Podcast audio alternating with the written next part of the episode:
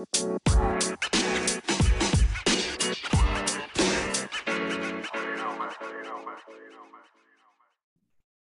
og velkommen til nok en episode av Jordbrukspodden, ikke Landbrukspodden, som jeg bruker å si feil. I dag har vi med oss en eh, spennende gjest. Han skal få lov til å introdusere seg sjøl. Ikke du sier hva du heter, hvor du eh, kommer litt om hva du driver med på gården, og hva du driver med utenfor uh, gården, og litt eh, om deg sjøl. Bare legg litt ut, så blir litt kjent med hvor du holder til i verden, og hvem du er, og hva du driver med. Eh, ja, mitt navn er Morten Hasle. Jeg kommer fra Oslo. Bygutt. Eh, Oslo øst. Eh, fant ut og hørte mye rykter at det var mye fint å være i landbruket med lite arbeid og mye tilskudd. Så da solgte jeg firma og, og leilighet, og så ha det til venner og familie. Og kjøpte gård i Folldalen da, og begynte med sau. Da ble jeg sauebonde. Og sivilstatus etter gift. da, Har to barn på tre og fem. Og har da 150 vinterfòra sau og, og nå faktisk tre ammekuer, faktisk. Med da noe kalv. Så jobber jeg som elkontrollør og er daglig leder i et firma som heter Elsikkerhet Midt-Norge, som driver med elkontroll og termografi. Det var jo kort om meg. Eh, men jobber du fullt utenom gården, eller er du deltidsstilling, eller åssen er det? Jeg jobber 100% utenom, og så driver vi gården da, på, på, på kveld og helg. Da. Og litt innimellom. Så vi er eh, Er det et familieprosjekt, eller er det liksom du som er primus motor, eller eh, hvem er det som er involvert i, i drifta?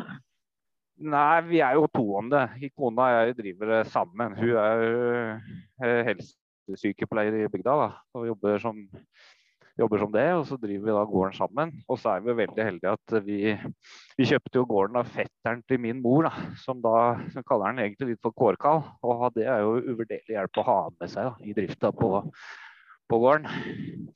Så Sånn sett er det vi som driver det, med hjelp da, fra han tidligere eier. Så, så litt, litt, sånn familielandbruk, selv om det er familie litt langt uti, da. Ja. Men eh, du jobber da med termografering, og eh, litt derfor vi har henta deg inn som gjest, du er fagekspert på det. Og i landbruket så er det noe vi må forholde oss eh, til, som kanskje er litt nytt for de fleste. Når var det det kom det dette kravet, egentlig, der du må ha det hvert tredje år i husdyrbygninger? Hvor lenge er det? Jeg glemte det litt. Nei, du, nå husker jeg ikke nøyaktig når det kom inn i, eh, inn i dyreholdforskriftene, hvor man ble pålagt en faglig kontroll. Eh, så det kan, jeg, det kan jeg alltid søke opp, men det husker jeg faktisk ikke når det kom. Men så kom jo forsikringa og satte et krav om at dette skulle gjøres av sertifisert personell og skulle ha elkontroll med termografi som et krav fra 2014. Og det var jo da det løsna, og dette ble kjent. Så, så vi regner liksom tidsalderen på elkontroll i landbruket fra 2014, da, når det virkelig tok i vei. Men vil det si, det er vel ikke et krav strengt tatt, men i praksis så er det et krav. For hvis du ikke har det, så, så vil forsikringa bli såpass dyr at uh, du må ha det? Eller er det et krav fra forsikringa òg? Nei, det er, Rundt dette her med kontroll så er det jo ufattelig mye rare regler. da, Og mye det er vanskelig for en gårdbruker å, å skjønne hvilket regelverk som gjelder. Så den, den, største misforståelsen vi står, det er jo at KSL-en krever det. Og det er jo det er feil. Og det som, det som er hovedkravet da, til elkontroll, som det, at, det som faktisk ikke mange egentlig veit, det er at i eltilsynsloven så står det i paragraf 2 at elektriske anlegg skal prosjekteres, utføres, drives, vedlikeholdes og kontrolleres, slik at det ikke frembyr fare for liv, helse eller materielle verdier. Og Det gjelder jo da alle som eier et elektrisk anlegg. Enten om du er boligeier eller driver frisørsalong eller er bonde. Og så Under da eltilsynsloven da, så har vi jo da forskrift for elektriske lavspenningsanlegg.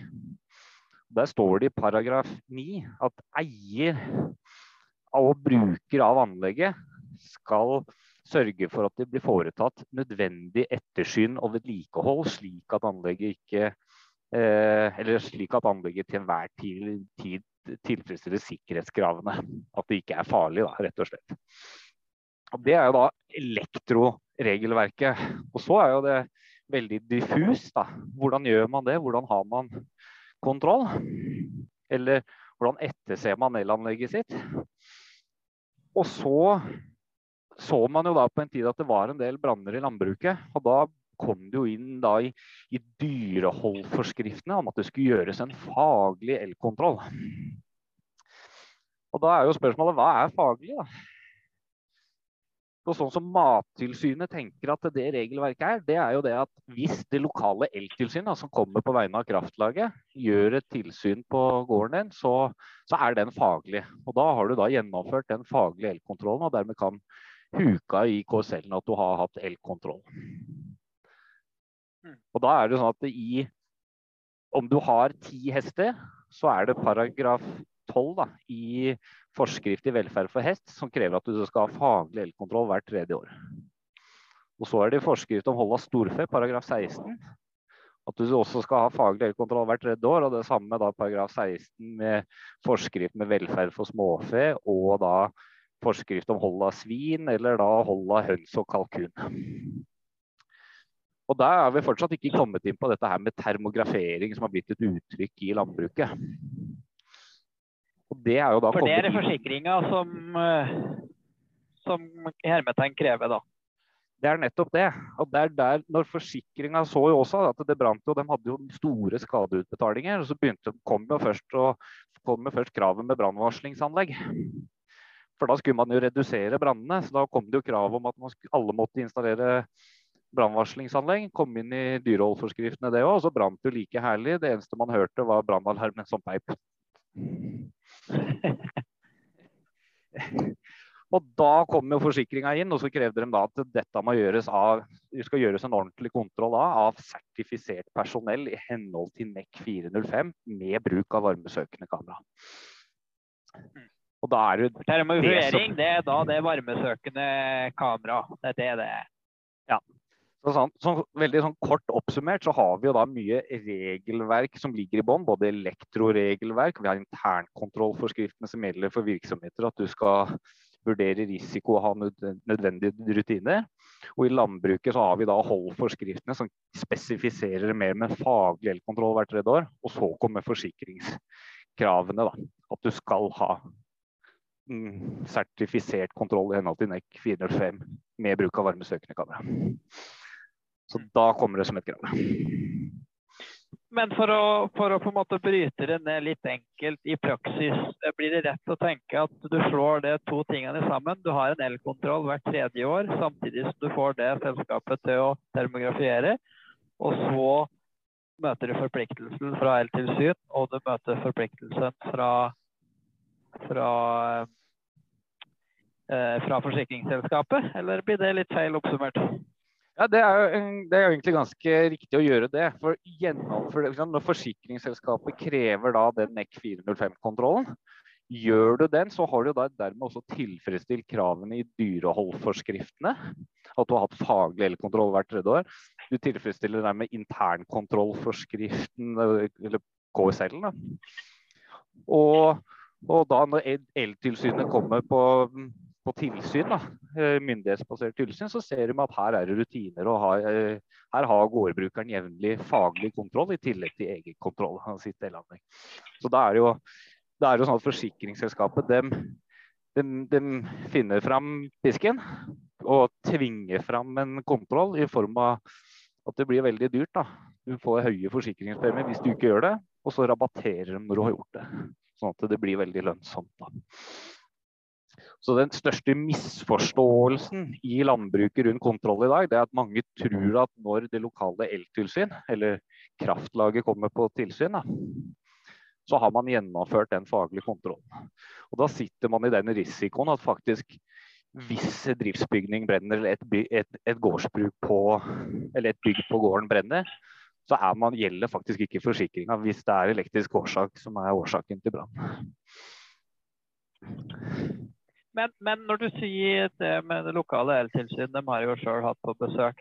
Men kan man ikke tenke, hvis man tenker litt sånn samfunnsøkonomisk, er det egentlig noe poeng at de kommer ut? For de er jo ikke der hvert år, de heller. Det varierer litt eh, når man nå har den elkontrollen pålagt, samtidig som man de fleste da gjennomfører termografering hvert tredje år. Blir ikke litt smør på flesk? Jo, og, og, dette er jo ting som jeg har påpekt eh, oppover i systemet, at dette blir jo veldig feil. For vi ser jo at ofte så er ikke tilsyn, eller de lokale deltilsyn tydelige nok på hva, hvilke tjenester de faktisk leverer. Så da blir det en del misforståelser, at bonden tror gjerne at han har hatt kontroll når tilsynet har vært der. Og så, så Det skapes jo en falsk trygghet. Og Samtidig så er jo faktisk tilsynsmyndighetene oppgave er faktisk å følge med at man følger eller, eller lover og regler da, som treffer deg som bonde, og dermed at du skal ha faglig kontroll. Så hvis du da har hatt et tilsyn på besøk som ikke har påpekt det der at du har faglig kontroll og jevnlig kontroll, så har tilsynet ikke gjort jobben sin. Så dems oppgave nå blir jo faktisk å følge med oss næringsdrivende eller oss bønder, at vi har kontroll hvert tredje år. Og Vi ser jo f.eks. nå at veldig mye, eller enkelte eltilsyn dem, bare reiser ut i bonden og så sier de at vi er myndigheten. Vi skal bare sjekke at du har faglig elkontroll hvert tredje år. Kan du dokumentere det? Hvis du da ikke kan dokumentere det, så får du et avvik. Da må du få gjennomført kontroll. Ta kontakt med et uh, kontrollselskap, og så reiser de videre.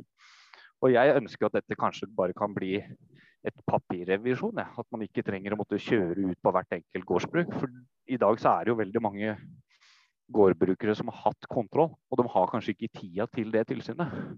Kunne de ikke da sendt av gårde en e-post? Her er, har vi hatt kontrollen, og her har vi hatt elektrikeren som har lukka avvikene. Her er ja, Teoretisk sett, da, hvis du er litt spesielt spesiell, så kan du jo da faktisk ha hatt elkontroll og termografering forrige uke, og så får du eltilsynet neste uke. I praksis. Ja. ja. Kan det jo skje. Ja, og det, det, har jo skjedd hjemme hos meg.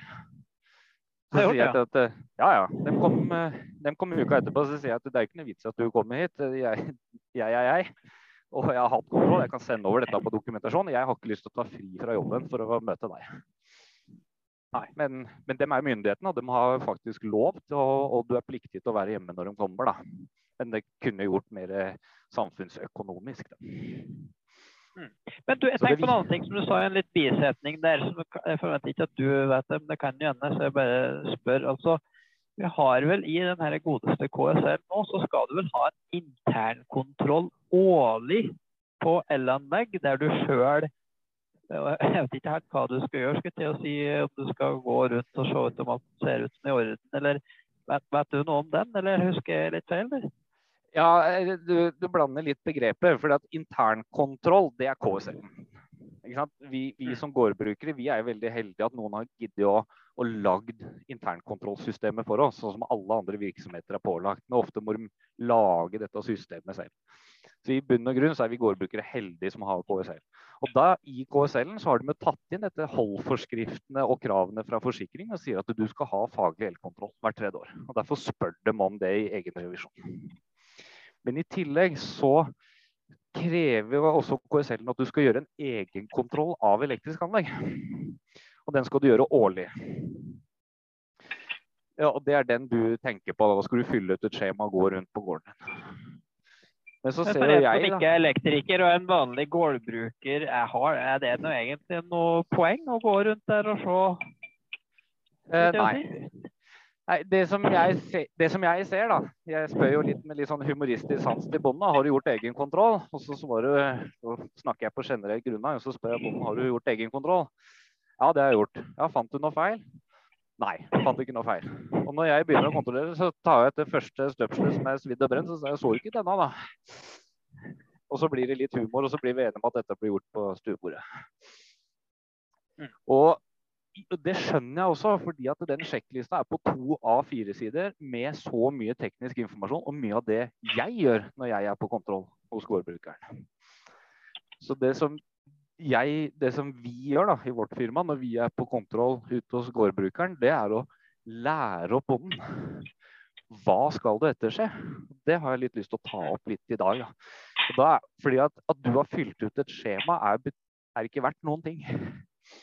Det som er verdt noe for elsikkerheten, er at du i det daglige klarer å ta tak i ting underveis når ting oppstår og når ting er i bruk. Mm. Jeg har litt lyst til å snakke om det. Det er typisk det... støpsler og skjøteledninger som blir varme, og ting som svir opp, og varmelamper som henger for nært, og varmeovner som kanskje er plassert litt dumt. og Det er vel ting som vi alle på en måte vet og skjønner, men så i en travel hverdag så blir det litt, blir kanskje litt oversett. Ja, og så er det litt det at uh, ofte så står støpslene i, og man tar dem ikke ut. Og det er litt sånn som, sånn som jeg prøver å fortelle litt i Når du har vaska fjøset ditt, ta ut støpselet på varmtvannsvaskeren og så se på den. Kjenn på den om det er varmt, lukter litt, eller om det har begynt å bli brunt og svidd. Og så tar det ett sekund i hverdagen. Og da fører du litt tilsyn med anlegget ditt lite grann hver dag når det er i bruk og i drift. Og så kast, så er ikke det sånn tidstyv at du skal gå rundt og gjøre en vernerunde på det. Og da får du faktisk en reell kontroll av det elektriske anlegget ditt. Så jeg sier jo at gårdbrukere som kanskje i løpet av et år har klart å finne en tre, fire, fem feil på sitt elanlegg, har gjort en kjempejobb. Heller det enn å ha fylt ut skjemaet at de har gjort en kontroll i stua. Eller på stuebordet.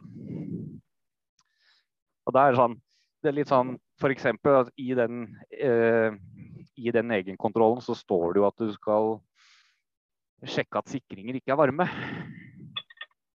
Mm. Og Da kan jeg utfordre deg litt nå. da, ikke sant? Eh, på gården hos meg så har jeg høytørke og, og, og fyrer mye med strøm om vinteren. Når skal jeg sjekke om sikringen er varme da?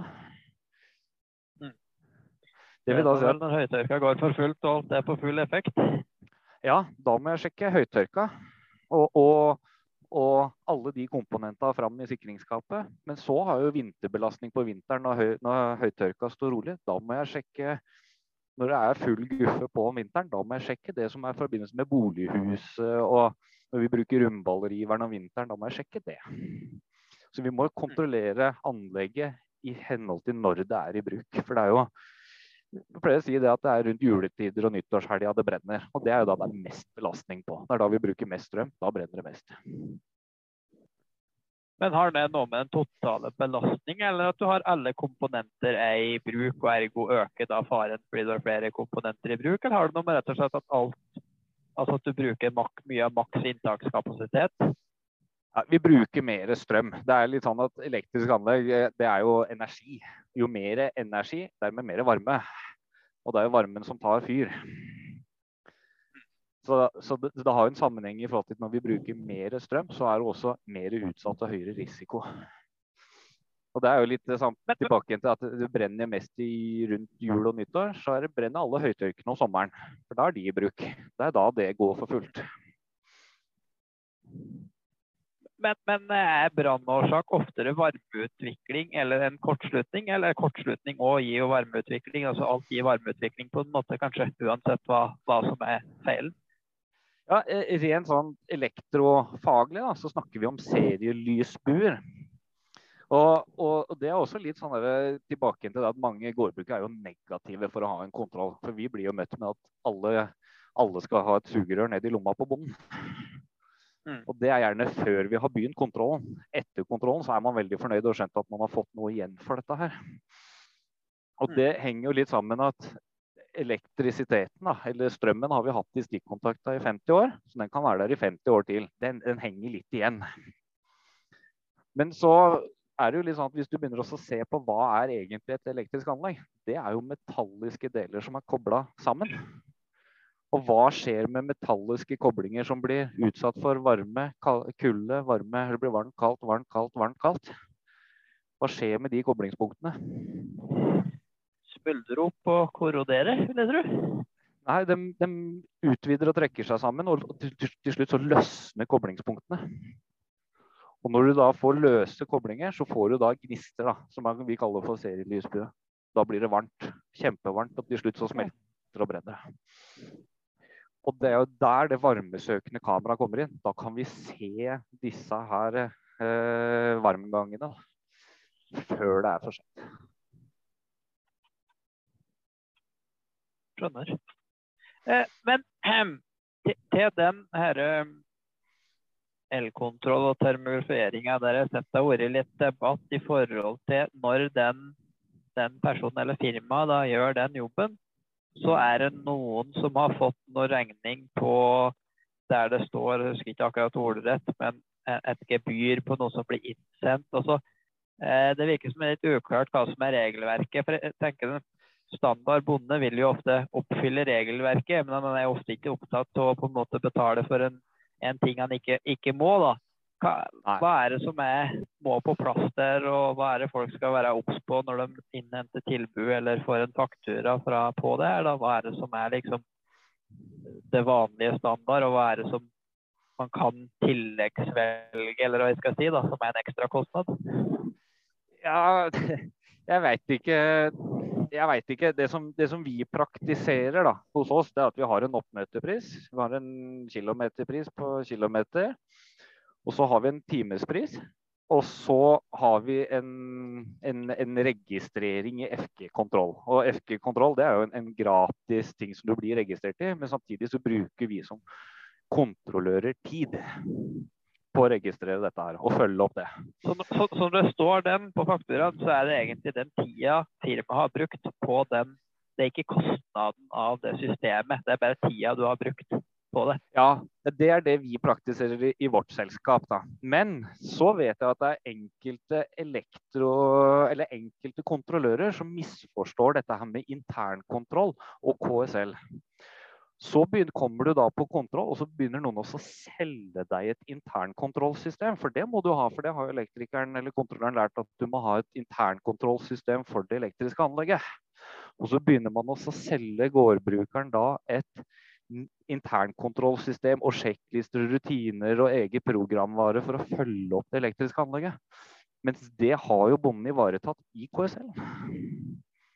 Og der blir det ofte en diskusjon. Og en, en del sånn misforståelser og, og feiltolkninger fra elektrofirmaer og kontrollører. Da. jeg tror kanskje det er mer den du tenker på, eller misforstår jeg da? Det er det nok. Nei, jeg tror det tror du er spot on på akkurat eh, det, ja. De to tingene. Og jeg tror det du sa først her, det er på en måte en misforståelse. da Man tror man betaler for en slags avgift som man ikke vet hva er for noe. Og så betaler man egentlig bare for at, eh, at det er ikke bare jobben ute på gården eh, den personen må gjøre. Han må gjøre en liten rapport også. Ja, det er jo det, Veldig ofte så er jo gårdbrukeren ser jo bare den tiden man er på, på, på, adressen og på gården. Men så er det en del arbeid som er både før og etter et, en elkontroll. Som man da skal ta betalt for.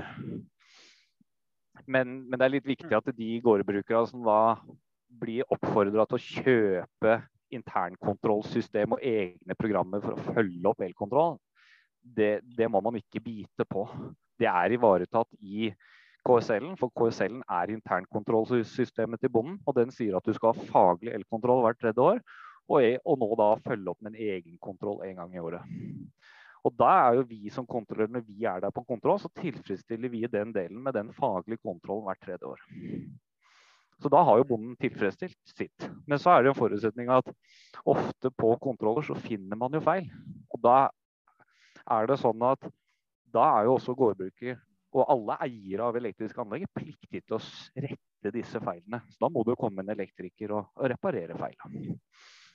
Men sånn som på når du har elkontroll fra lokale eltilsynet, da får du jo en frist som du må forholde til. Hvordan er det i forhold til når du har en termografering i opp den hvert tredje år? Hvordan er frister og sånn, og hvem er det som er er det noen myndighet på det, skulle til å si, eller hvordan fungerer det? Ja, eh, sånn som Når eltilsynet kommer, så finner jo dem avvik. Det kan jo f.eks. være at du ikke har hatt faglig elkontroll da, hvert tredje år. Så, så setter de avvik, og så får du da en frist på å rette det.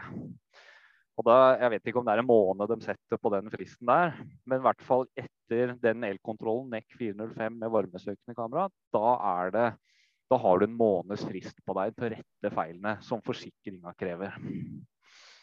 Ok, Så det er en standard, det er en fast det er en måned fra du har hatt den kontrollen til feilene skal være utbedra. Ja, men så er det jo sånn at når tilsynet er på besøk, så skriver jo dem bare et avvik. Du har noe som ikke tilfredsstiller forskriften. Det må rettes. Men når du har en, eh, en elkontroll med termografi, så blir, får du klassifisering på tilstandsgradene på feilene. Og Det er TG0. Da er det kontrollert og funnet i orden. Du har TG1. Her har vi en anbefaling om en forbedring eller kommentar vi vil mene om et eller annet. Det er du ikke pliktig til å rette. Men så finner vi da TG2. Det er forskriftsavvik. Her er det noe, er det noe feil. Det må du rette. Og så har vi da TG3. Her er det alvorlig fare for brann eller elektrisk støt. Og TG3 det skal rettes umiddelbart. Og vi har jo også hatt eksempel på TG3 kan det være for noe, da? Ja, det er mange eksempler på det. det da er du rett før du brenner. Ja. Eh, Jeg sto hos en gårdbruker en gang, og han termograferte termograferte første fjøsvifta hans var på 50 grader. Og neste som jeg termograferte, var på 250 grader. Oi. Og da vet du ikke da brenner dette om en time, i morgen eller om en uke. Det vet du ikke. Men den må bare stoppes med en gang.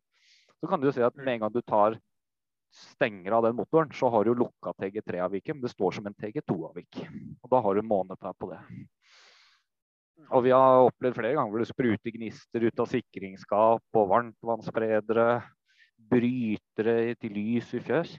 Og da forteller vi kunden nå, nå må du ringe elektrikeren, han må komme i dag. Ellers så har ikke du lys, eller du har ikke varmtvann i morgen. Dette må fikses nå.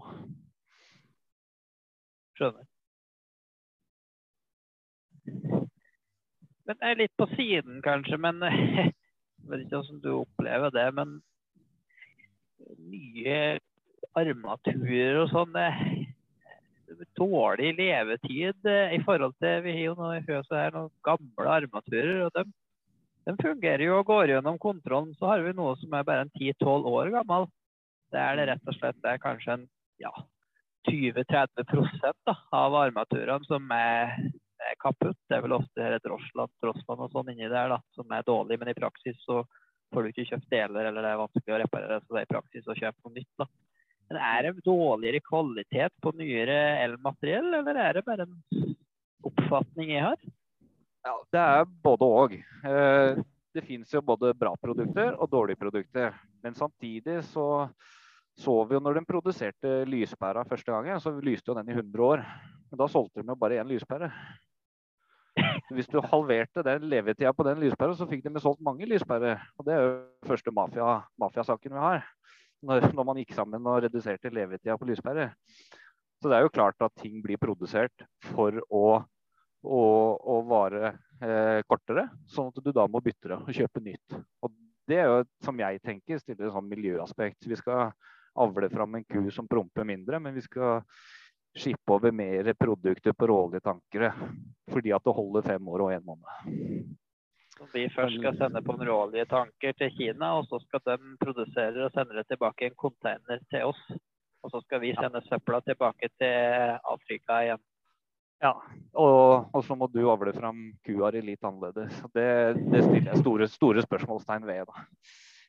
Så du er ikke noe fan med den norsk sau og geit sin prompebil som kjører rundt og måler utslipp på sau? jeg tror vi begynner i feil ende der, ja. Så, da er vi veldig enige om det. ja. Men samtidig da, så er det jo litt sånn eh, en liten pekefinger til den norske bonden nå, når du skal kjøpe elektrisk anlegg òg. Jeg vet ikke, Har du kjøpt elektrikertjenester den seneste tida? Det kan jeg love deg at jeg har gjort. Hva sa du da? Hva jeg sa da? Ja, Eh, nei, det var ikke helt det jeg tenkte jeg skulle til å si. Jeg ringte og sa at nå må jeg ha noe å fikse. Så de etter hvert. Det bruker ganske mye de lokalt her. da, Så hendene må mase litt. Det, det, det jeg tenker litt grann på, det er at eh, hvis, hvis, en, hvis en gårdbruker skal kjøpe seg traktor, så setter han seg veldig fort inn i hva han vil ha. Hvilket merke, hvilken farge, hvilken størrelse. Skal du ha aircondition, skal du ha dit, skal du ha datt. Men skal vi kjøpe elanlegg, så sier vi at vi skal ha en stikkontakt, og så får vi en stikkontakt. Og Der er det en oppfordring til gårdbruker at du, det finnes jo både dyre traktorer og billige traktorer, og de har forskjellige egenskaper. Så jeg oppfordrer da gårdbrukere til å være litt mer bevisste i hva man egentlig bestiller. Jeg regner med at det er ingen Ja, men har vi ikke noe krav der da med de IP-kravene og sånn, IP67 og sånn på lysstoffrør og sånn, som på en måte gjør at du slipper å tenke på det? Eller er det så mange forskjellige leverandører som er innafor den, den godkjenninga, men fortsatt er stor forskjell i kvalitet? Jo, nå liker vi å sånn på, på folkemunne i Norge å snakke om Kina-produkter og, og, tyske produkter, da, for å ta et sånn, litt sånn allround-eksempel det er jo klart at elektriske anlegg skal jo følge eh, standard og forskriftskrav og, og, og, skal være standardiserte løsninger, CE-merka osv. Og det er jo mye av utstyret. Men hadde du kanskje lagt på litt på prisen, så hadde du fått et mye mye bedre produkt som hadde vart i mye mye lenger. Istedenfor at du da må bytte det ut oftere. Og det er litt sånn som de lysarmaturene du kjøpte, eller som sto i fjøset fra Gamata, den ble jo bygget for å vare. Og får du da tilbud på, på nye lysstoffrør eller nye lysrørarmaturer, så får du gjerne et tilbud. Men stiller du spørsmål til elektrikeren har du noe som er bedre kvalitet, hva koster det? Hva er forventa levetid? Stiller man seg litt kritisk til hva man får? Det er jeg litt opptatt av at uh, som gårdbruker så handler det litt om totaløkonomien. Betaler du litt mer, så holder utstyret vesentlig lenger. Og så slipper du å bytte ut. Så slipper du da å spare, spare, penger på at det skal komme en utrykning og reparere og, og vedlikeholde og kjøpe ny, ny konta etter nytt armatur. Det er bare ett problem med det at det er dyrt å være fattig. og Da ser du bare på prisen akkurat da. Fordi du, du har ikke råd til å tenke langsiktig. og Det er jo veldig synd i et sånt klima- og bærekraftperspektiv òg. Men jeg tror mange, mange bønder, i hvert fall jeg, er der at uh, i den situasjonen du står i, så, så gjelder det liksom å se veldig på pris. Da, for man har ikke råd med å tenke så, så, så langsiktig, da, dessverre, for mange. Men jeg er helt enig i tanken. Ja, jeg, jeg, ser jo også det at i landbruket så er det ufattelig pressa nå. Og, og, og, det er vanskelig, og mye blir utsatt og, og sånne ting. Så, men, men, samtidig så til elektrikeren at ting som ikke koster penger, det er å fortelle elektrikeren sånn er det her. Her spyler jeg med høytrykksspyler. Så det må du tenke på når du skal montere stikkontakt, at jeg skal spyle den med høytrykksspyler. For det er ikke sikkert at elektrikeren klarer å tenke seg fram til at du spyler det området med en høytrykksspiller en gang i året. Eller to. Og Da kan du hjelpe elektrikeren til å velge riktig produkt, istedenfor at elektrikeren monterer en feil type stikkontakt som kanskje ikke tåler spyling. Når du skal bestille et firma til å gjøre det her, må du liksom tenke på noe, sjekke firmaet i forhold til om de har de papirene de skal ha, eller er det sånn at de som driver med det, de er det med seriøse aktører, som har papirene i orden? At det trenger liksom være noe bekymra for det? Stort sett så er jo, du er jo ansvarlig selv at du kjøper tjenester av et firma som er momsregistrert og registrert i elvirksomhetsregisteret. Og Det kan man jo da søke opp og se om det firmaet har de papirene som man trenger for å gjøre den jobben. Men samtidig så er egentlig alle elektrofirmaene, i hvert fall på bygdene, registrert og i orden. Det er mer der hvor det er mye omsetning av boliger, hvor det er ufaglærte som skal pusse opp leiligheter en full fart. Der ville jeg vært mer skeptisk. Da. Men generelt her i Distrikts-Norge og sånn, så er det jo seriøse aktører. Er det noe annet rundt det her med elkontroll og termografering som du tenker at uh, greit å, å, å, belyse, som vi ikke har vært innom, eller noe bonden må tenke på, eller eh, noe vi ikke har kommet innom i forhold til det? Ja, en ting som, en ting som jeg ser, at det varierer veldig mye pris da, på, på en elkontroll. Og, og jeg skjønner jo også at gårdbrukeren vil ofte velge det billigste tilbudet. Men hvis vi ser da tilbake til hva er egentlig hensikten med kontrollen, er det for å faktisk å tilfredsstille KSL-en, forsikringskrav, myndighetskrav, eller er det faktisk for å forebygge brann, elektrisk støt eller driftsstans? At som gårdbruker så, så er ikke den elkontrollen noe noe du skal ha for å, å, tilfredsstille noe. Det er noe du vil ønske å ha for å forhindre at det skjer noe, sånn at ikke dyra dine brenner inne. Eh, at du står der med et havari på julaften fordi at det er noe som har stoppa. Og da gjelder det å være litt bevisst i hva man bestiller i kontrollen. For det, det er selvfølgelig forskjellig kvalitet i elkontrollen. Det som man ser litt, er jo det at eh, mange tilbyr en kontroll som ikke tilfredsstiller kravene i normen.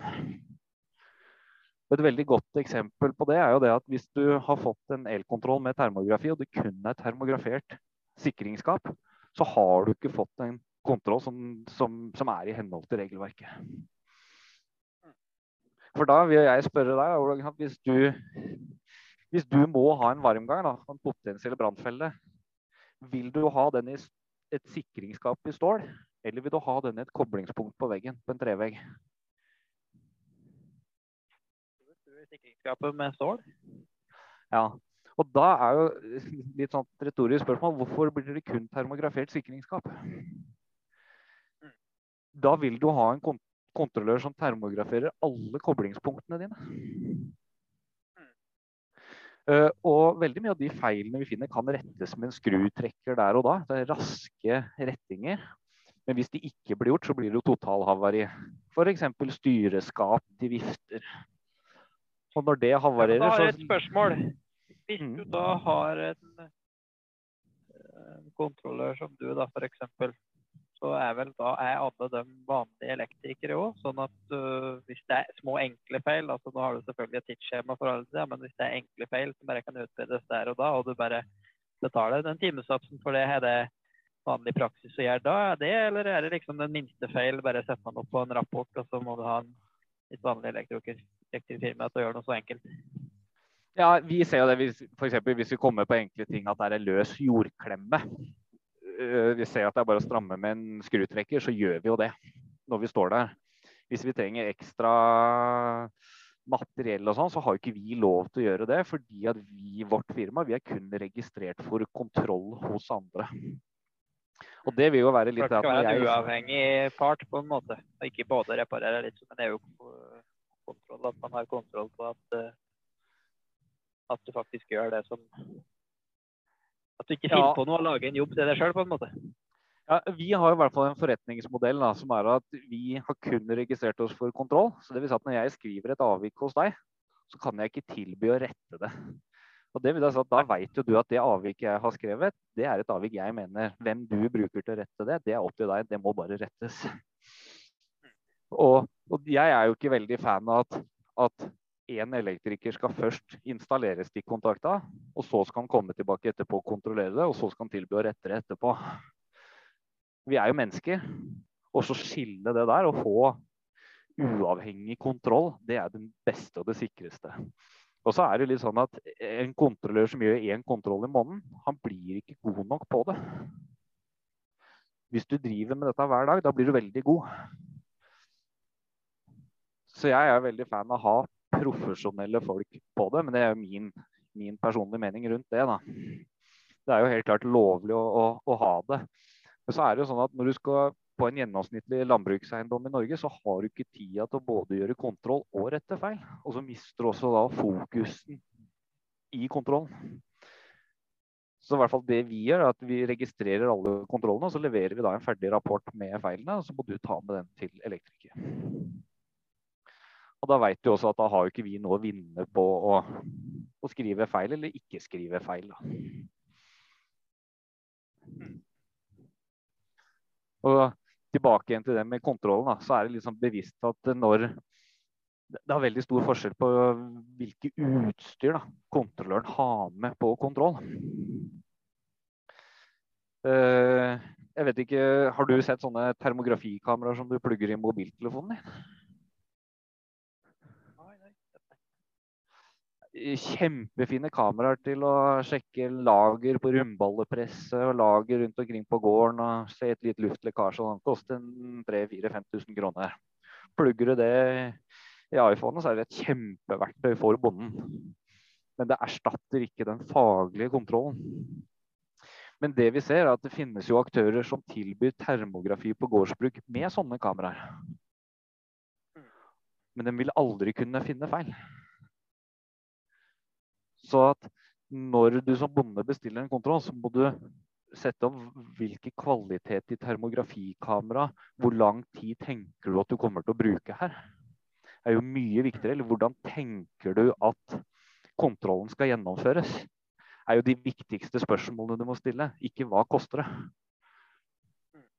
For Koster den kontrollen 3000 kroner, så har du aldri fått kontrollert og avverga potensielle branner på gårdsbruket ditt. Og, og, nå kommer jeg på en sånn viktig ting som når du spurte om hva, hva er det som er viktig da, uh, i forbindelse med kontroll, og det er måten dette blir gjennomført. Og det er jo det at Førstepri er jo at uh, Eller mange tror at kontrollen heter termografering, men det vi gjør er jo en elkontroll. Hvor ett av verktøyene vi bruker er et varmesøkende kamera. Det varmesøkende kameraet det finner vi varmganger med. Og så har vi andre instrumenter for å måle strøm og spenning. Og, og bruker vi øyne og, og, hender til å kjenne og føle og ta på elanlegg og gjøre vurderinger. Og da, da, er det jo sånn at det som i hvert fall er veldig viktig under termografering, da, det, det er at anlegget må være under belastning.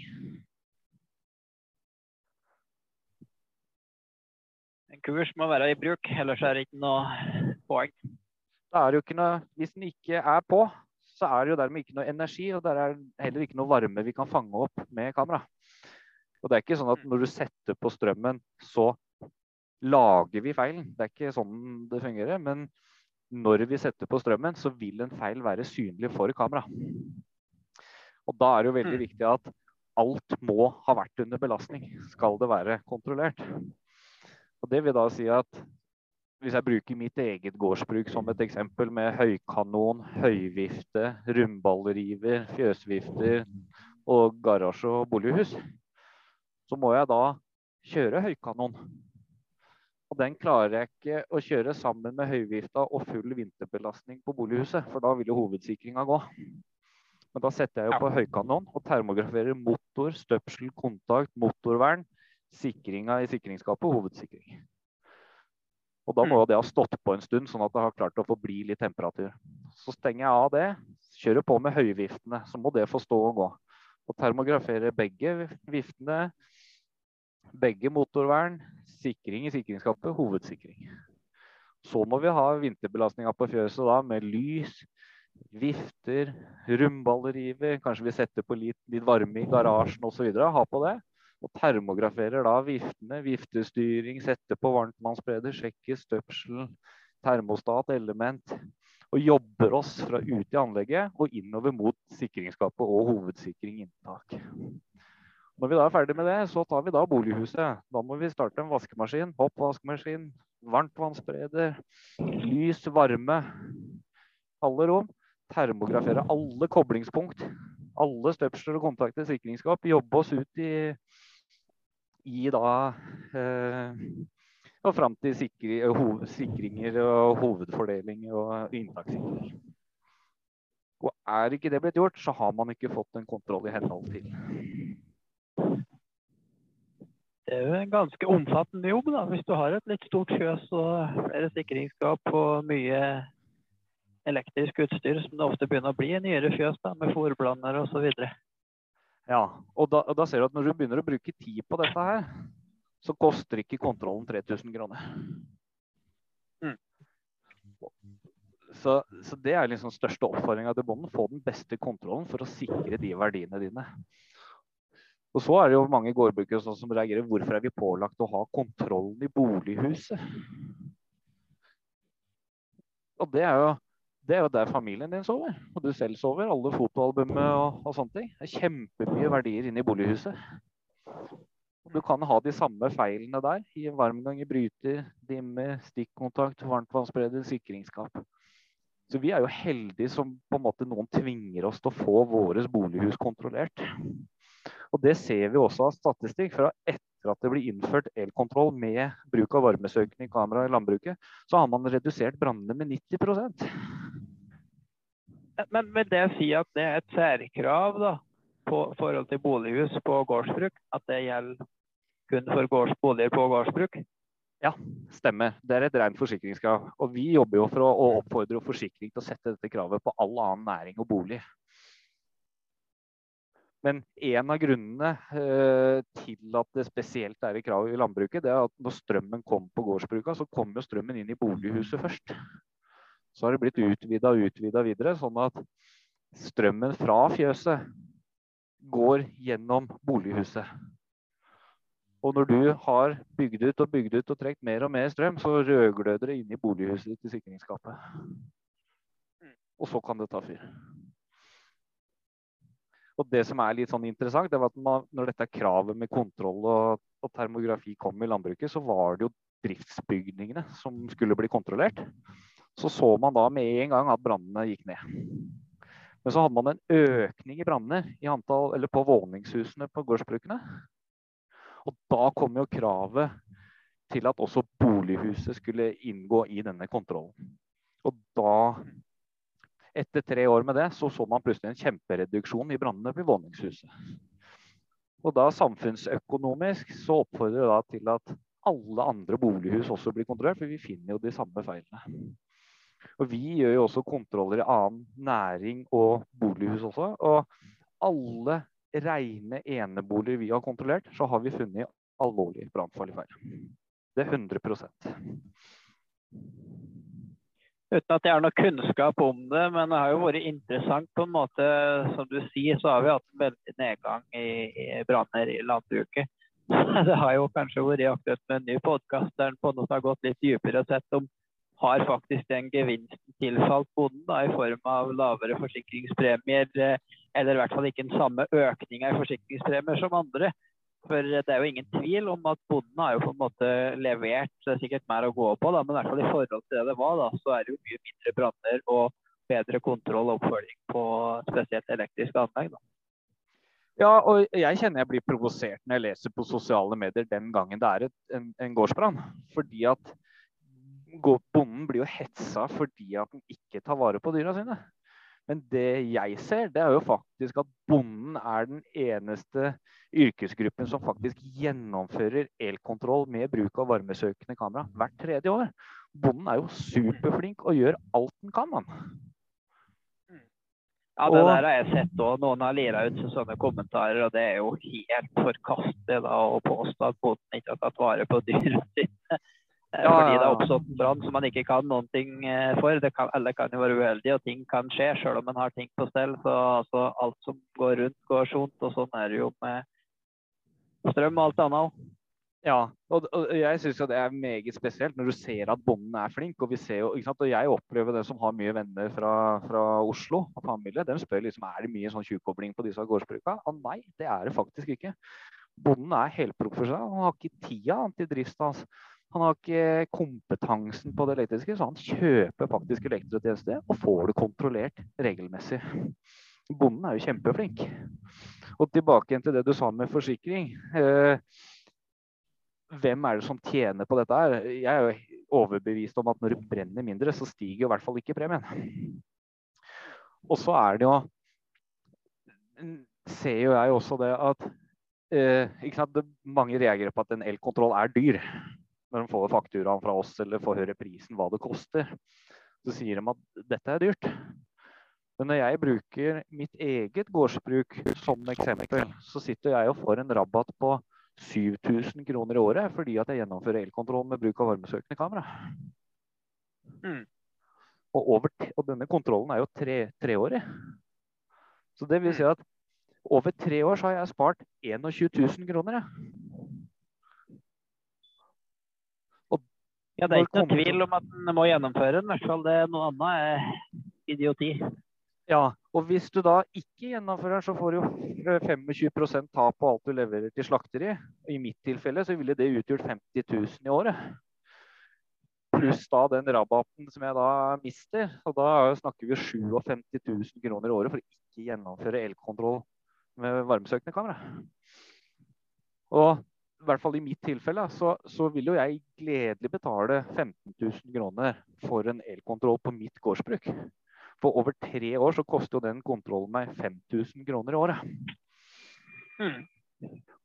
Eh, og så får jeg rabatten på 7000 kroner oppå der. Da sitter jeg faktisk og sparer 2000 kroner i året for å gjennomføre elkontroll, og da er det ikke dyrt.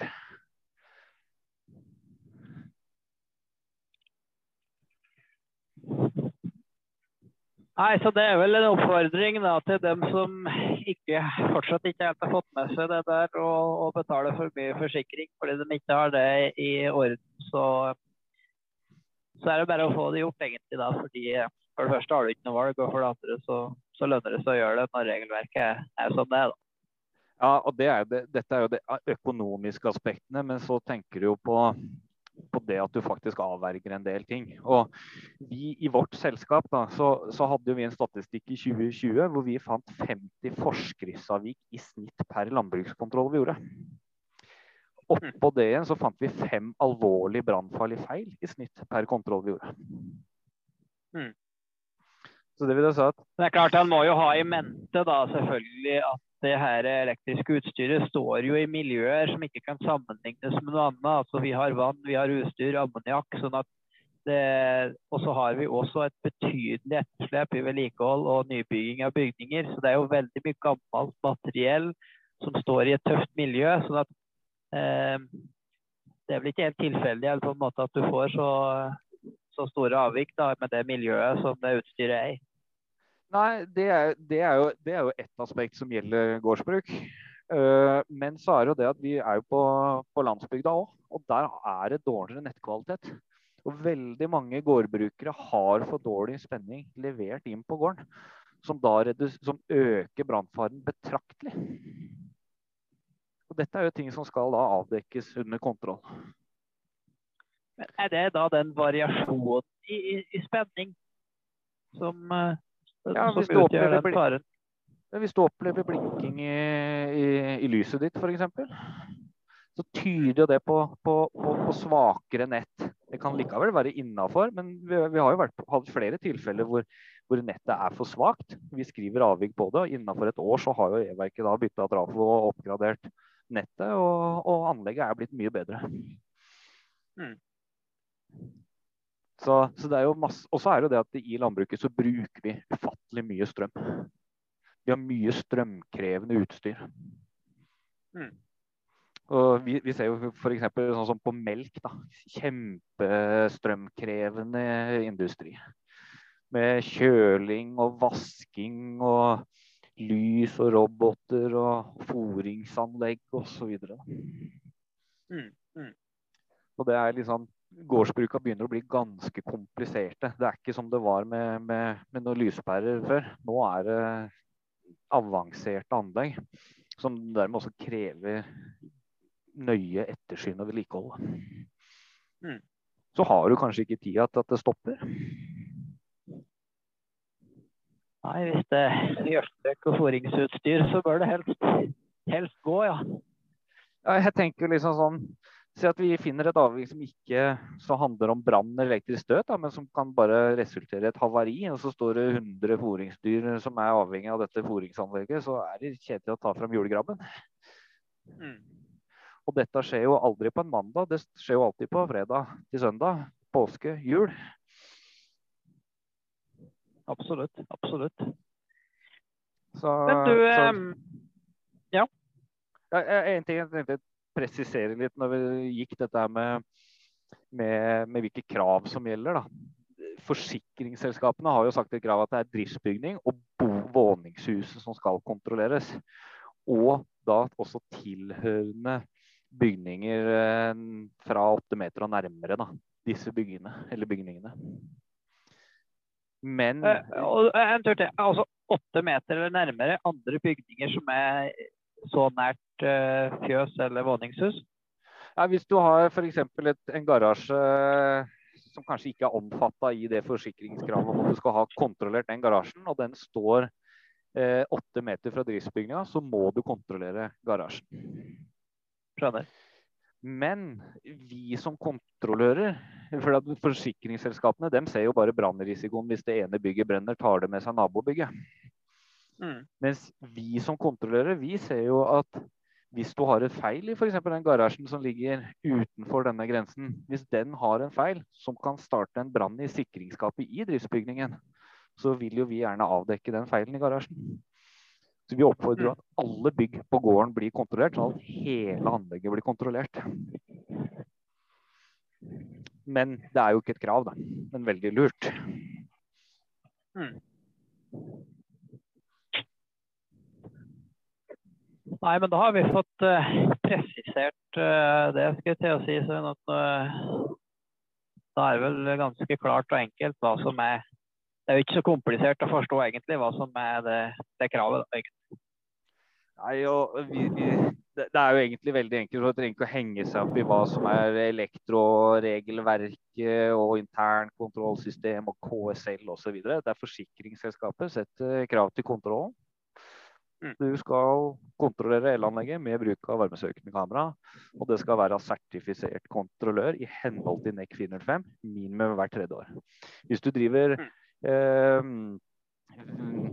driver veksthus da, med med, med lys. Uh, hvis, du, hvis, du, driver gartneri uten vekstlys, så skal du ha kontroll hvert tredje år. Men hvis du da har vekstlys, så skal du kontrolleres faktisk hvert år. Ok. Og dette regelverket det finner man da på eh, på fgsikring.no. Det er jo FG, eh, eller Finans Norge, da, som er sammenslutning av alle forsikringsselskapene. De har, jo de, de har jo en felles forståelse av dette regelverket. Så det er ikke sånn at det ene forsikringsselskapet ser lett på det, og ikke det andre. Mm. En felles bransjenorm. Ja, og så står det også veldig mye informasjon på lbk.no, da, Landbrukets brannvernkomité. Mm. Og jeg vil også berømme da landbruket, da, som har tatt tak i problematikken med branner og faktisk funnet en løsning på å faktisk forhindre det. Mm. Og nå er det jo faktisk veldig mange næringer som faktisk ser til landbruket. At man har faktisk fått til en reduksjon i branner og ser på elkontroll med termografi. Og det kommer mer og mer og mer inn i andre næringer. Mm. Så der er faktisk landbruket enestående og et foregangseksempel vi er gode på mye i landbruket, men vi er litt dårlige på å ta oss betalt for alt det vi er gode på. Om det er lite medisinbruk eller andre ting som vi får til. Altså, det, er noe, det, er jo mange sånne ting. på en måte, det samme som du, Vi har hatt store problemer med branner, så tok vi tak i det, et felles landbruk. Samtidig så på 90-tallet har vi jo uh, utfordringer på medisinbruk, vi har hatt utfordringer på avl. ikke sant? Altså, vi har tatt tak i det i samla næring på en måte og løst problemene.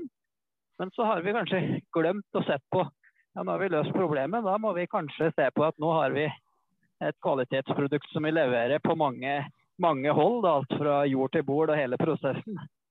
Eh, fordi Det er jo ikke noe tvil om at, eh, at vi har forbedret oss på mye. og Dette er jo ett av mange punkter. Det som står litt igjen, det er jo å forbedre litt den her sjølrespekten og faktisk si at ja, det har blitt ei kompetansenæring å drive med landbruk. Det er ikke noe sånn at eh, det er så veldig enkelt, eller det er bare å kaste i kua litt mat, og at vi ikke har noe så mye regler å forholde oss til, eller eh, Det er faktisk et ganske komplekst det her å være gårdbruker. Jeg, jeg, fikk jo sjokk da, med dette. Nå er jeg fra Oslo og kona er fra Grønland. Så vi hadde jo ingen erfaring med landbruket. Vi, vi har jo bare venner fra, fra Oslo og bynære strøk og hørte at det var lite arbeid. Så vi beit jo på den og kjøpte gård.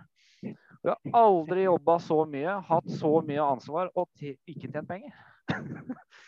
Men er det noe du sier litt på flås og tull? At uh, du trodde det var litt sånn uh, fint på landet og litt tilskudd og ikke så mye jobb? At du faktisk trodde det, eller er det bare litt flåsete sagt? Nei, det er faktisk sant.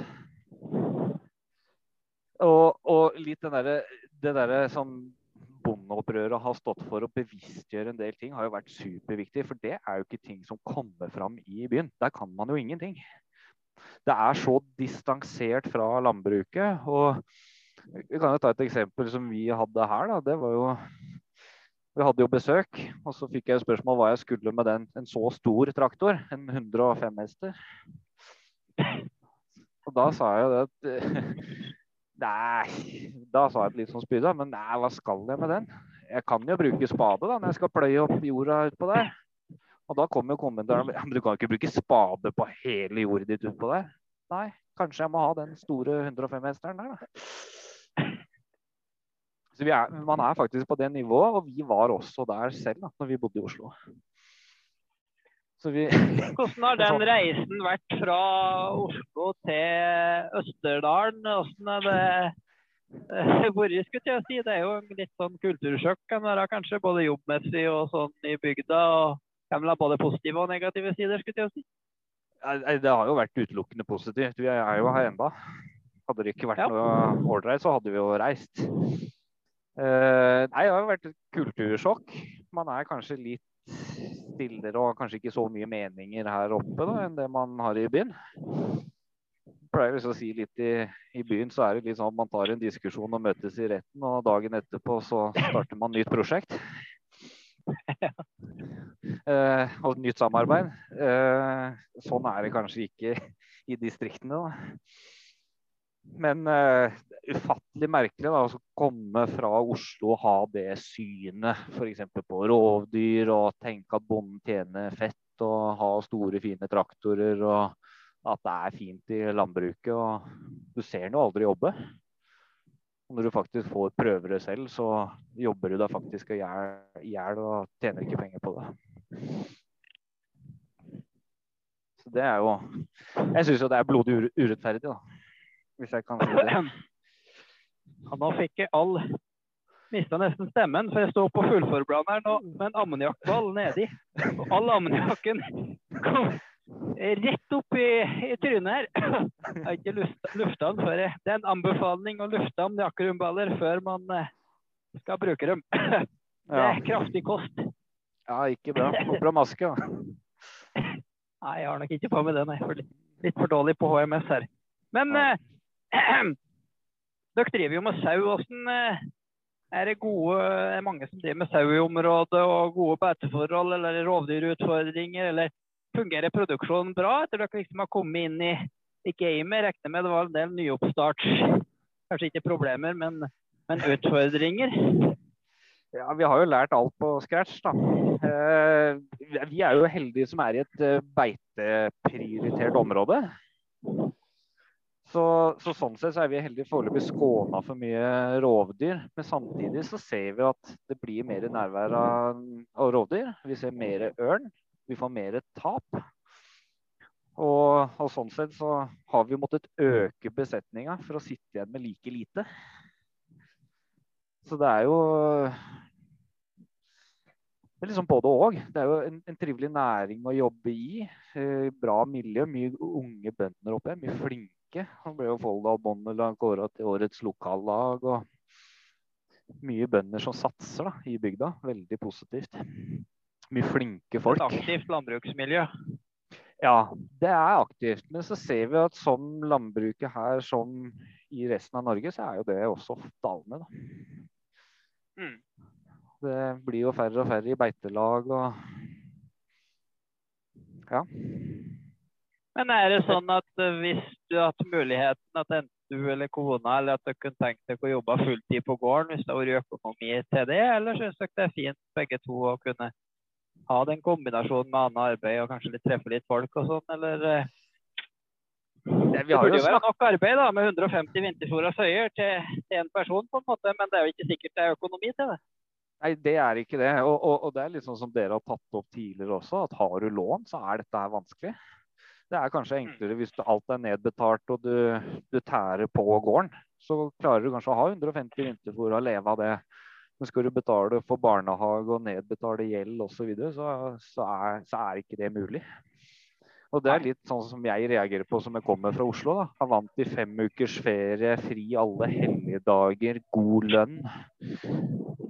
Begynner du da i primærnæringen, så jobber du hele tida, døgnet rundt. Du står alltid på vakt. Har ikke penger til å ta med ungene dine på ferie. Du er ikke likvid. Det er en sånn merkelig følelse når du kommer fra Oslo og, og hele tida har hatt penger på konto. Mm. Og det er jo ikke noe, kjent, det ikke noe ukjent i sauenæring at du er tom. Får du penger eh, på slutten av sommeren og fram mot slakteoppgjør? Det er to, to, ganger i året du får noen kroner når tilskuddet kommer og når du slakter lammene. Og slakte søyene, ja. det blir vel ikke akkurat så mye. Det er mye av akkurat. Nei, nei, nei. Så det Så det ja. Nei, vi ser jo, vi, vi prøver liksom å holde eh, Fortelle alle venner og kjente om hvordan det er. Litt, litt, sånn, litt sånn hverdagslige ting, da. Det tror jeg er viktig å øke bevisstheten til de i byen, for vi produserer jo faktisk mat. Det, det, det er sånne ting som jeg har sett når du kommer fra Oslo, at du kanskje har tatt det litt for gitt og var opptatt av pris. og jeg sa jo, jeg sa jo en da, som brøyta på hytta for, da, at uh, du må slutte å reise til Sverige for å handle mat. Ja, men det er jo billig. Ja, men hvis du ikke handler norsk mat, så, så kan Eller du må kjøpe norsk mat og støtte den norske bonden. Fordi at den norske bonden brøyter på hytta di. Og kjøper du da, støtter du ikke da den norske bonden, så har ikke den norske bonden traktor til å brøyte på hytta di. Da må du bruke snøfreser eller måke. Og jeg tror ikke folk ser det. Folk kjøper seg hytte, hytte på fjellet og for, fordi at det er landlig på setre og hytte ja, der hvor det har vært utmarksbeite, og så klager de på da at det er beitedyr det. Ja, det er ganske komisk. Ja, og det, det er sånn, sånne ting du kanskje ikke så da, når du da bodde i Oslo, og var i Oslo og reiste på hytteturer rundt omkring.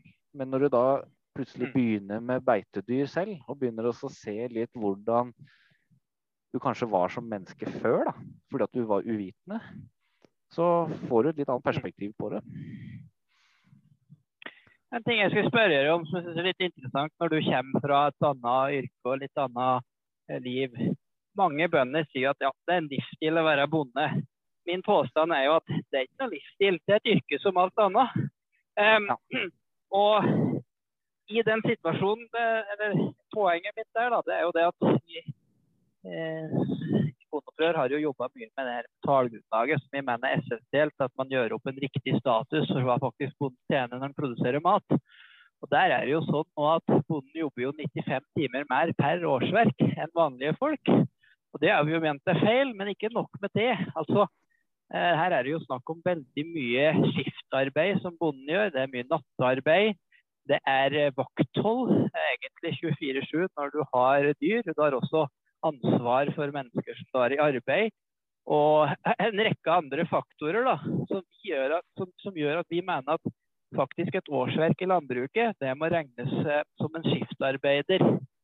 Eh, er du enig i at det er en riktig måte å, å, tenke på når du ser på det ansvaret som du har med dyr nå, og, og på en måte arbeidstider på kveldstid, og når det er slått om, så må det gjøres om det er, eh, om det er midt i sommerferien. eller altså tenker at det er en riktig måte å tenke på? At vi måtte bli litt kompensert for ugunstige arbeidstider? Og, og regnes som en skiftarbeider da, når man skal se på antall timer per årsverk? Ja, ja, jeg er jo enig med dere. Og en annen ting er jo hva, hva med all, all risikoen? Mm.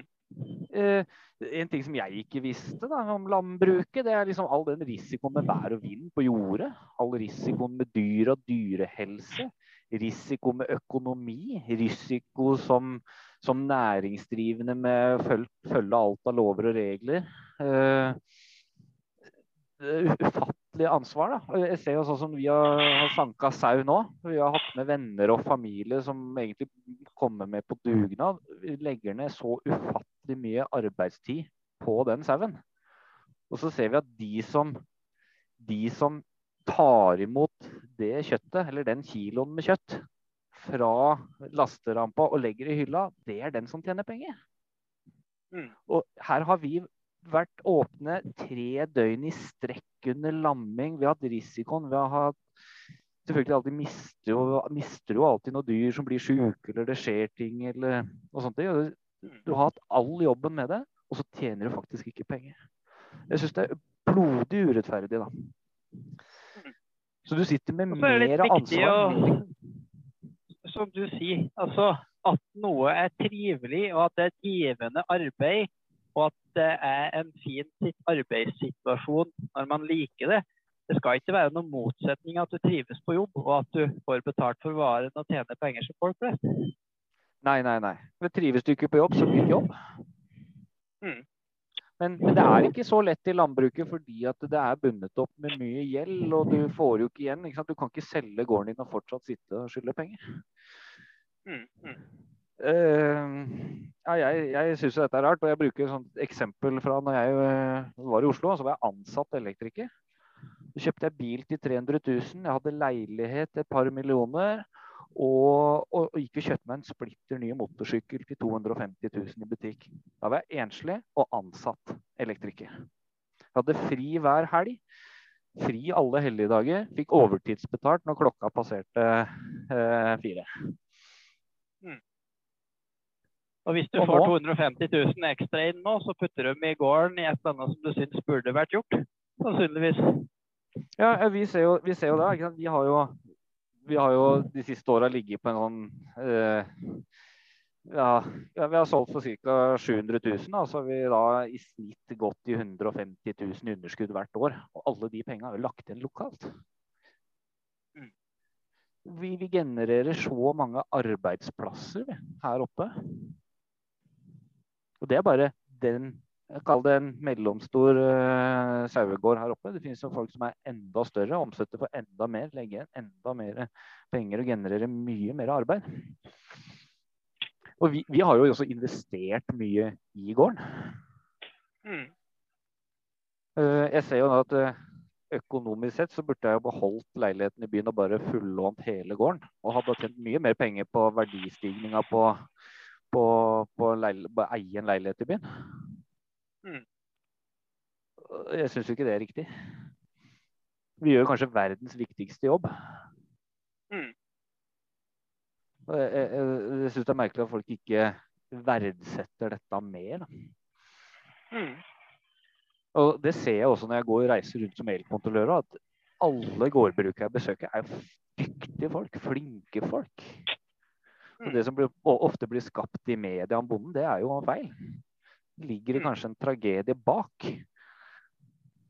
Det er, alle bønder er flinke, og så er det alltid ett råttent eple på et tre. Og det vil du ha i, i, i, offentlig sektor, du vil ha det i politikken, du vil ha det i polititjenestemenn. Hvor som helst vil du alltid ha ett råttent eple.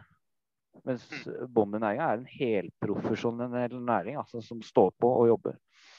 At man ikke klarer å verdsette det, det syns jeg er leit. Jeg tror ikke man skjønner det.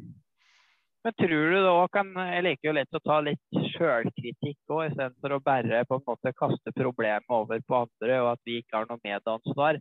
Og jeg tenker jo litt som vi var inne på litt tidligere her, at det faktisk handler noe om den verdien du setter på arbeidet ditt. Altså hvis du, hvis du tenker rundt og tenker at det er en livsstil, og hvis du tenker at det her skal jeg uansett gjøre fordi foreldrene mine har bodd her, samme hvor dårlig dette blir, eller hvis du liksom jeg aksepterer lite da, fordi du syns det er såpass trivelig og det er en så givende jobb, men hvorfor skal da samfunnet betale, betale oss mer hvis vi faktisk aksepterer å gjøre mye for lite? Så at jeg mener det at, eh, at, vi må gjøre noe med den mentaliteten til bonden òg. At vi må faktisk eh, stoppe opp og si ja, hei, søren, jeg har lagt ned mye penger i den gården her, og jeg har lagt ned mye arbeidsinnsats. og jeg er faktisk ganske flink, og det må jeg faktisk ha få betalt for. Akkurat som en elektriker får betalt for seg flink, eller en advokat, eller eh, hva det er. Ja. Selv om du trives i jobben din. Så, og det vises jo statistisk at den som trives i jobben, ofte har eh, yter bedre og får en, en, bedre lønn for det. da. Men ja. i landbruket så er det et oppsidepotensial ganske lite. Altså ja, du kan være flinkere enn naboen din. Du kan jobbe litt mer, gjøre litt smartere valg, eller Eh, det er alltid noen marginer å hente, men i det store og hele så klarer du ikke liksom å, å, å få den veldige oppsiden da, som du kanskje gjør i annet næringsliv med en lik mengde eh, altså en lignende risikoprofil da, som vi har i landbruket. Eh, ja. Kanskje et langt resonnement. Jeg vet ikke om du er enig i det at, at vi bønder er litt for eh, eh, Vi evner ikke på en måte å ta betalt for de tjenestene. og Vi evner ikke liksom å se at vi har en så stor verdi. at eh, at vi faktisk ikke kan akseptere å få så lite betalt for jobben. Da. Jo, men, men jeg syns det er vanskelig. For hvordan skal jeg som sauebonde sette prisen på det jeg vil selge lammekjøttet mitt for? Jeg kan jo ikke velge det. Men når jeg drev elektrofirma, så da, da satte jeg jo prisen på stikkontakt av hva jeg ville selge den for. Da solgte jeg timen min, den satte jeg en pris på. Men som bonde nå så kan jeg faktisk ikke sette den prisen. Jeg, jeg, vet, jeg føler jo at produktet jeg leverer for meg er jo mye mer verdt enn det jeg får nå, men jeg kan ikke påvirke det. vi er for mange, og det er et tungt system. Og nå har du tatt opp dette med matvarekjedene, ikke sant. Så det er jo Jeg syns det er vanskelig. Ja, jeg verdsetter produktet mitt høyere, men jeg kan ikke sette den prisen det er verdt. Det syns jeg er vanskelig. Vi er jo stolte, og vi, vi, vi som gårdbygger så håper jo på at Du håper jo på at det blir bedre tider. Mange har kanskje ikke noe annet valg. Gjeld opp til pipa, oppfordra til å investere. Du blir lovet gull og grønne skoger hele tida. Det kommer aldri. Nei, ja, det er vel litt i bondens natur å tro at neste år blir litt bedre sesong avlingsmessig på jordet, og samtidig tror man at landbrukspolitikken blir litt bedre, og det må bli verdsatt å produsere mat. Så det er vel på en måte noe vi alltid har, eh, har eh, den trua til neste år. Da. Men eh, jeg tror det er litt viktig å sette ned foten iblant og gjøre opp en litt status. Hvor er det vi står? Og, og på en måte samle og si at nå må det faktisk skje en endring. For ellers så har vi ikke igjen så veldig mange kolleger rundt omkring. og Jeg vet ikke åssen det er med det, men jeg syns det jeg har ikke lyst til å sluke noe mer enn naboer i hvert fall for å bli noe større. Det, det, det er litt av det sjarmen med å drive landbruk òg, at du har en del andre rundt deg som, som, driver med det samme. da. Ja, det ser jo vi også. Vi har jo gode, gode, gode naboer overalt. Og det er jo mye hyggeligere å ha et samarbeid. Hjelpe hverandre og, og sånne ting. Og det er litt sånn hvis, hvis, du sluker alle naboene, så er det jo ingen til å drive butikken eller til å drive barnehagen. Nei. Og da, da, da sitter du med et problem. Da. Og Nei, jeg, jeg, vet liksom ikke hvordan Jeg har ikke noe, fors, jeg har ikke noe god løsning til det, men jeg syns vi må stå opp sammen da, som gårdbrukere og så sette ned hardt mot hardt. Det syns jeg er egentlig på tide nå. Men det er jo vanskelig. Jordbruksoppgjøret er nå på den travleste tida, i hvert fall for oss som sauebønder. Mm.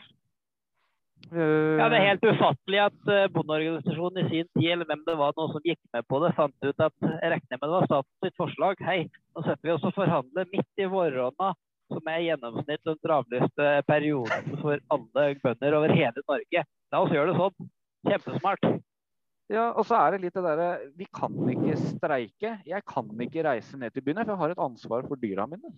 Jeg kan ikke reise fra dyra mine, for hvem skal passe dem?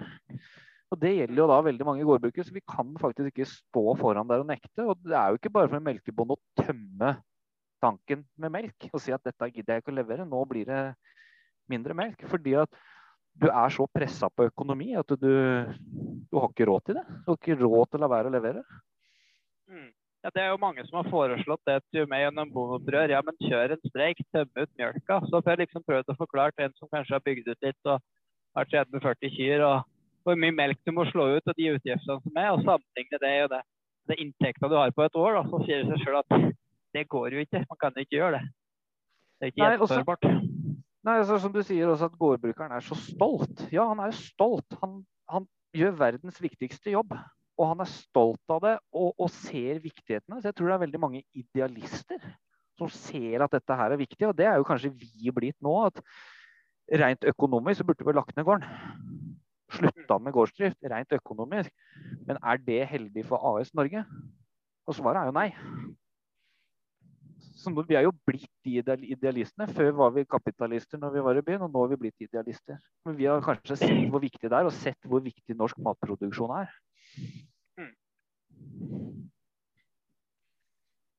Ja, men Det er en fantastisk eh, interessant reise dere har gjort. og Veldig enig i dine betraktninger, både faglig i din jobb utenom gården og, og sett fra landbrukets side, som har snakka litt om nå.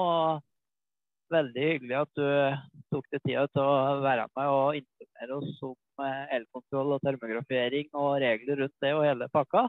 Nyttig. Og hvis noen gårdbrukere har noen spørsmål, så er det vel bare å google det og ta en prat, kanskje, hvis de lurer på noe. Eller er i ditt ja, område har behov for termografering og elkontroll. Så da tar du i hvert fall telefonen tror jeg. Ja, vi er, vi er jo, jeg er jo kollegaen min, vi er jo på, på, Instagram, da. Eh, så vi legger jo ting fra hverdagen. Hmm.